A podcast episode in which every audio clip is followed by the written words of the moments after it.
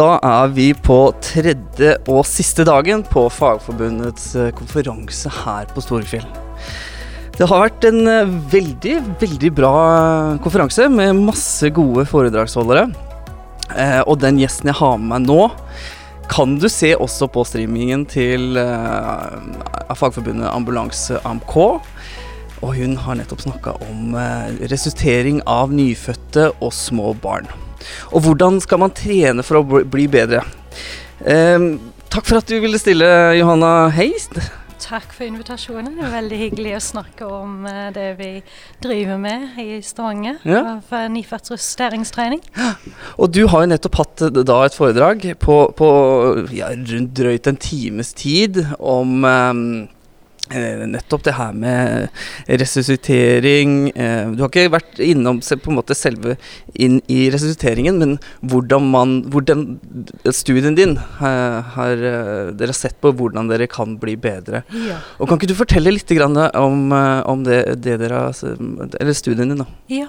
Um, vi, uh, vi, vet at når vi uh, må til med resuscitering av nyfødte, um, så av ventilasjon altså å få luft i lungene til et nyfødt som ikke puster, det er det aller viktigste del av resusciteringen. Og faktisk, hvis vi kan få det til, um, så som regel slipper vi langt mer invasive, tyngre tiltak, som f.eks. brystkompresjoner, medikamenter. Veldig sjelden at det er behov for det, men ventilasjon det er det de aller fleste som trenger hjelp i fødsel, har behov for. Mm. Men vi også vet at um, det er um, viktig å komme i gang raskt med effektiv ventilasjon, helst innen 60 sekunder. Um, og at det er samtidig um, en ferdighet som er ganske krevende. Mm. Og veldig mange av oss som jobber med fødsel, vi har lite mengdetrening med akkurat det å ventilere nyfødte barn. Og det gjør oss utrygge når vi står i en akutt situasjon og vet at sekundene teller. Så hele prosjektet er med å prøve å gjøre oss alle som jobber med fødsel, i stand til å kunne beherske akkurat den vanskelige ferdigheten som trengs. Mm. Mm. Og Hvordan er det dere har gjort det? da? Hva er det dere har sett på, og, og hvordan har dere gått fram? Ja, Da har vi en uh, veldig spennende simuleringsdukke som heter Ninattelig Live. Uh, som eh, interessant nok ble utviklet for bruk i Tanzania. Mm. Uh, hvor det har gått uh, i mange mange år et samarbeid mellom uh, helseforetaket i Tanzania og forskere i Stavanger om hvordan vi kan faktisk få personell på føden i Tanzania til å bli flink og få luft i dykken. Så har de kommet fram at de måtte ha en, en dukke som, um, som hjalp dem å virkelig kunne få luft i, i, i, i et barn når det er vanskelig vanskelig å resuscitere. Um, så den nye dukken um, den uh, utvikles slik at um, man kan få inntrykk av hvordan det er å få luft i et nyfødt barn som har ganske stive lunger. Det er det som er oftest vanskelig med nyfødt russetering. Lungene er langt stivere enn alle andre pasienter som vi prøver å ventilere. Um, og det ofte tar litt tid, uh, litt uh, prøving fram og tilbake før man virkelig ser at man får det til. Så det å kunne trene på vanskelig russetering med stive lunger er veldig viktig. Og samtidig så er den dukken utviklet med at man har eh, målt eh, hvordan hjertefrekvensen utvikler seg når man lykkes med å få luft i et barn. Mm. Så innbygd i den i simulatoren så har det en veldig realistisk respons i hjertefrekvensen etter hvordan man faktisk får luft i. Så uh, jeg liker å si at når man trener å ventilere den dukken, man trener å gjøre akkurat de tingene man skal gjøre i virkeligheten. Man virkelig trener til å kunne prestere i, i reelt liv. Mm. Um, og det har vært utrolig spennende å ta dette dukket, som er egentlig utviklet for å hjelpe uh, helsearbeidere i et mye uh, lavere ressurssituasjon til å kunne faktisk få til noe fornuftig i et høyt ressursland. Mm. Som, eh, som, vi er så heldige å bo her i Norge. Men du har jo da sett på um, Du har jo hatt um, ja, Hovedstudien din blir på en måte med at du, du, har sett på tatt kollegaene dine, rett og slett. Mm -hmm. Det har vært uh, barne- eller jordmødre, uh, anestesileger, uh, anestesisykepleiere Alle som uh, kan havne i en situasjon hvor de får foran seg et nyfødt barn som ikke puster. Mm. Så det gjelder de som faktisk jobber direkte med fødsel, jordmødrene, barnepleiere, obstetrikere. Det gjelder uh, barnelegene som vi ringer etter når vi ser det er behov for nyfødt resuscitering. Og det gjelder oss på anestesi, uh, lege, sykepleier, som også er en del av teamet som rykker ut når man får et, et nyfødt som, som, ikke puster. Um, og av de seks uh, gruppene da, det er kun barnelegene som får noe mengdetrening og Ja. faktisk egentlig flink og trygg på det de holder på med. Oss andre vi gjør det en gang iblant. Um, og å trene med den dukken er um, Da har vi sett at vi kan holde ved like både trygghet og faktisk teknisk kompetanse ved å trene med den dukken. Slik at den ene gangen når de virkelig står foran et nyfødt barn som ikke puster, så er de trygge, og de handler veldig raskt, men veldig effektivt. Mm, mm. Eh, Da så du da også på Altså dere hadde em, Eller du hadde Man hadde en test altså, altså ikke test først, men, men man, man gjorde en resuscitering da uten opplæring. Og så gjorde man um, Så hadde man opplæringen etterpå. Um, og så gjorde man en ny resuscitering. Hva var det dere så for noe da?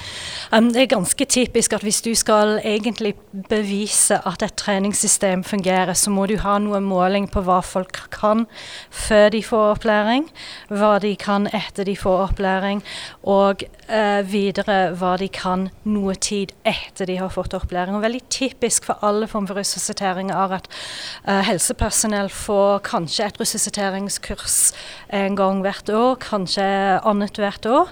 Så kan de veldig mye umiddelbart etter kurset. Og så når de ikke får trening etterpå, så faller både ferdigheter og kunnskap Mm. vekk. Um, så vi uh, rekrutterte 220 um, helsepersonell fra de seks ulike faggruppene til å være med i studien. Og så tester vi hvor flink var de å få luft i dukken helt i starten uten noe som helst opplæring. Har en sånn baselinjemåling på hvor, hvor godt folk kunne dette. Um, og så fikk alle opplæring, en slags mini-resusciteringskurs. Både opplæring i nyfødt resuscitering pluss opplæring i hvordan man kan bruke dukken og uh, tilhørende app for å trene selv for å holde ved like på kompetanse. Etter opplæring ble det repetisjon av testing for å si om de faktisk hadde lært noe um, etter opplæringen. Um, og så fikk de trene i ni måneder. Eh, med dukken. Um, og så tester vi en tredje gang for å se hva er det som skjer med, med ferdighetene etter ni måneders trening siden de fikk opplæring. Og vi så at um, når uh, vi tok et snittskåring på alle deltakere, så var det sånn 75% at de skåret alle, alle de faggruppene samlet sett. Um, vi så veldig tidlig at en gruppe skilte seg ut ved test 1. Barnelegene. Mm. De kunne dette på forhånd. De skåret helt på topps Ja, det er betryggende. Så, så, så betyr veldig mye. Eh, Da var vi trygge på at um, når vi tester og gir en score, så faktisk er det med å måle det vi ønsker å måle. At det kan identifisere de som kan dette. Um, og så etter opplæringen så var alle skåringene for alle deltakere helt oppe samme nivå som barnelegene. Og det var veldig, veldig spennende at når vi eh, lærer folk opp med denne den dukken her, at vi kan få de til å prestere på samme nivå som de som gjør dette ofte i virkelighet. Så det var utrolig kjekt å se. Mm.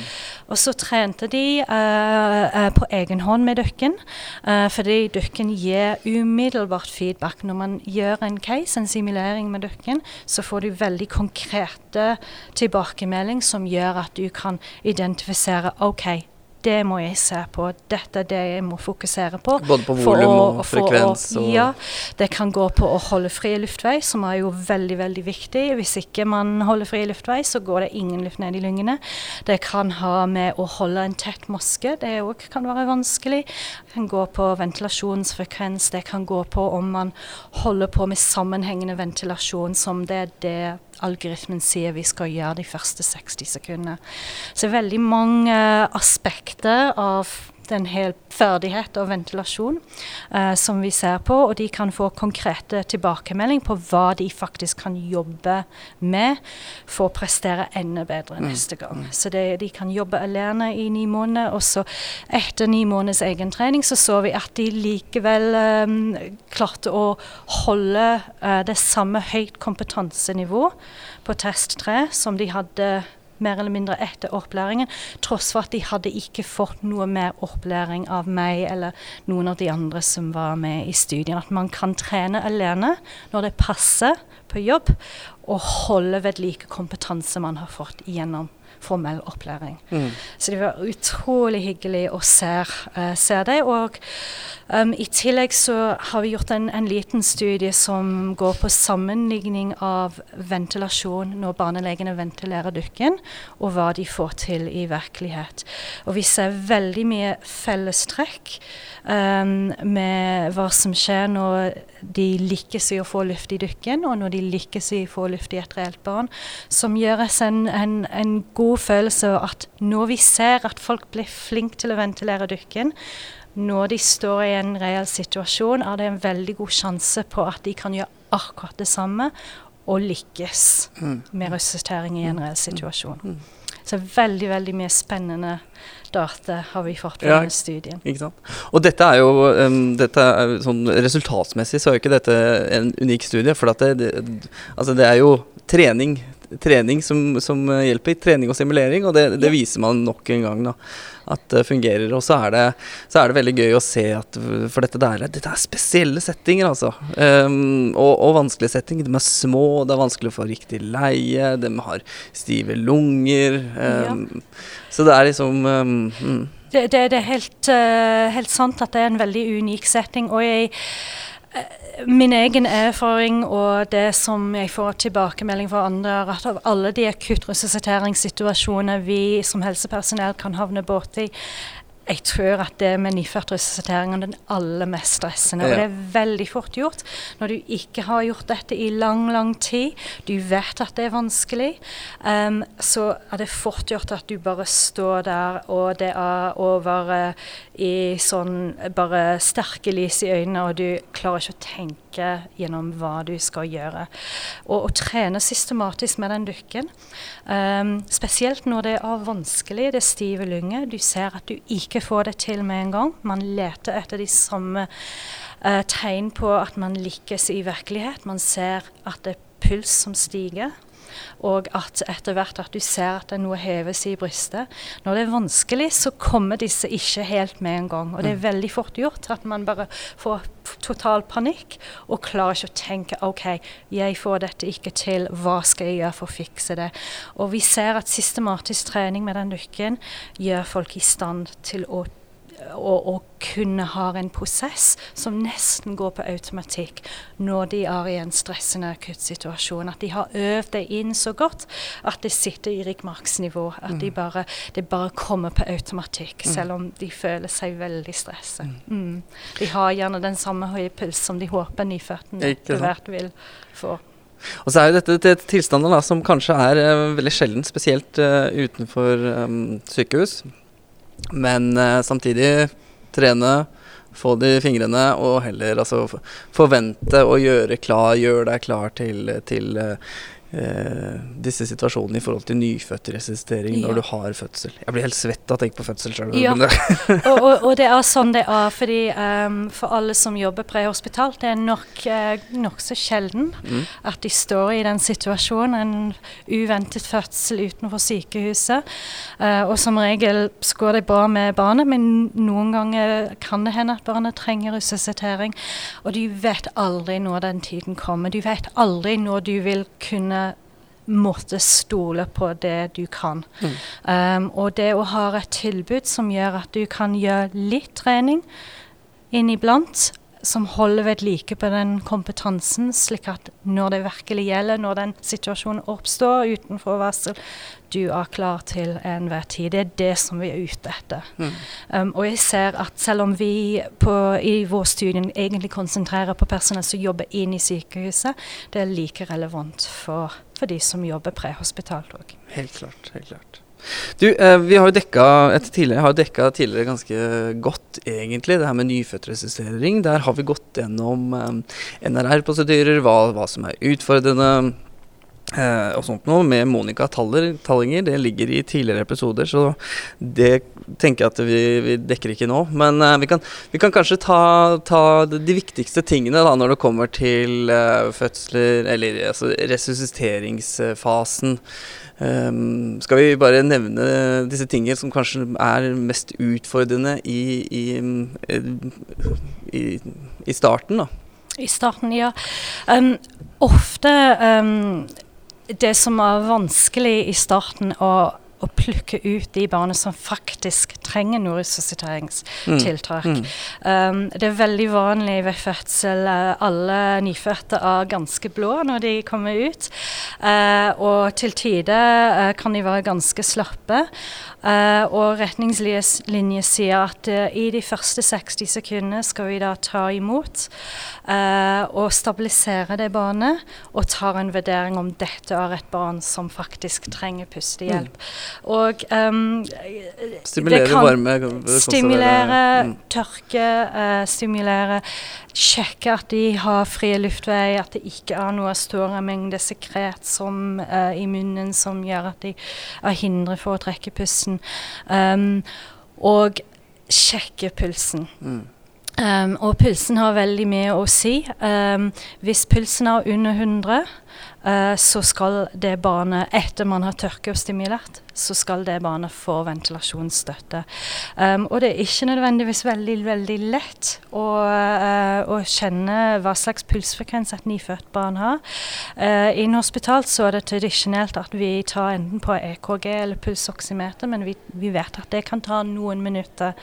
Og vår egne studie vil tilsi at um, det er et fåtall av de barn som faktisk trenger pustehjelp, som vi rekker å identifisere det å komme i gang med ventilasjon innen 60 sekunder, som som retningslinje tilsier. Mm. Mm. Um, så det som òg har vært veldig interessant med, med, denne studien, her, er at vi bruker et ny hjertefrekvensmåler hos nyfødt, Niabit, og uh, utviklet for bruk i Tanzania, og tatt i bruk hos oss i Stavanger. Og jeg vet, uh, for å ha vært gjennom uh, snakke med flere på kongressen her um, disse dagene, at det er flere steder i Norge som har tatt dette i bruk. Det er en tørr EKG-elektrode som man bare tar rundt magen eller brystkassen til den nyfødte direkte etter fødsel, mm. og i løpet av noen få sekunder får opp en veldig pålitelig hjertefrekvens. Så det er absolutt med å hjelpe oss med akkurat den første utfordringen av dette et barn som kommer til å trenge mer hjelp enn vanlig tørking, stimulering. Um, og så videre så håper vi at å ha den pålitelige hjertefrekvens som vi ser responsen på veldig raskt, at vi kan kanskje bli flinkere til å få luft i de um, i, i, innenfor rimelig tid.